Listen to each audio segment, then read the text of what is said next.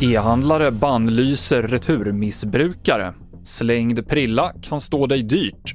Och hjälmtvång i Danmark, det är rubrikerna i TV4-nyheterna. Vi börjar med att berätta att eh, polisen i Skåne utreder ett samband mellan flera bränder i Limhamn i Malmö i natt. En villa brann ner under natten och det brann i en soptunna vid ett annat hus och senare kastades ett brinnande föremål in på uteplatsen till en villa. Polisen misstänker att samtliga de här tre bränderna är anlagda, säger man till Sydsvenskan.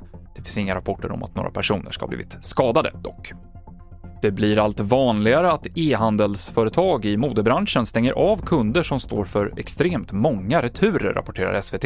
Av klädsajten Boosts returer kommer 15% från personer som företaget benämner som returmissbrukare och 19 000 kunder har blivit svartlistade. Det kan bli lite stökigt ute på vägarna i mellersta Sverige från och med ikväll.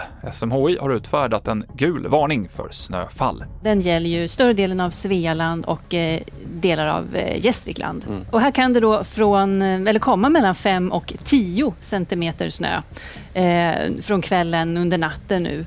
Eh, och I de södra delarna av Svealand så kan snöfallet efterhand också övergå i regn. För det är mild luft som ligger strax söder om oss. Och då kan det också bli mycket halt på vägarna där det är regn då som faller på kalla vägbanor. Det sa vår meteorolog Linda Eriksson. Mer om vädret på tv4.se. Från och med idag så kan du få böter om du slänger cigaretter eller tuggummin på gatan. Sen tidigare är det straffbart att slänga större föremål som till exempel flaskor, men nu kan gamla prillor och fimpar ge 800 kronor i böter om man blir ertappad med att slänga det. En eh, lagändring för allvarligare förseelser är att eh, straffrabatten slopas för unga som begår grova brott. Och det här gör till exempel att det blir möjligt att döma 18 20-åringar till livstids fängelse för mord. Vi avslutar med en lagändring i vårt grannland Danmark. Från och med idag så måste man ha hjälm på sig när man kör elsparkcykel.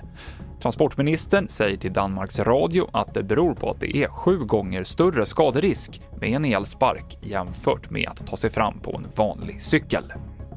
Fler nyheter finns i appen TV4 Nyheterna. I studion idag Mikael Klintevall.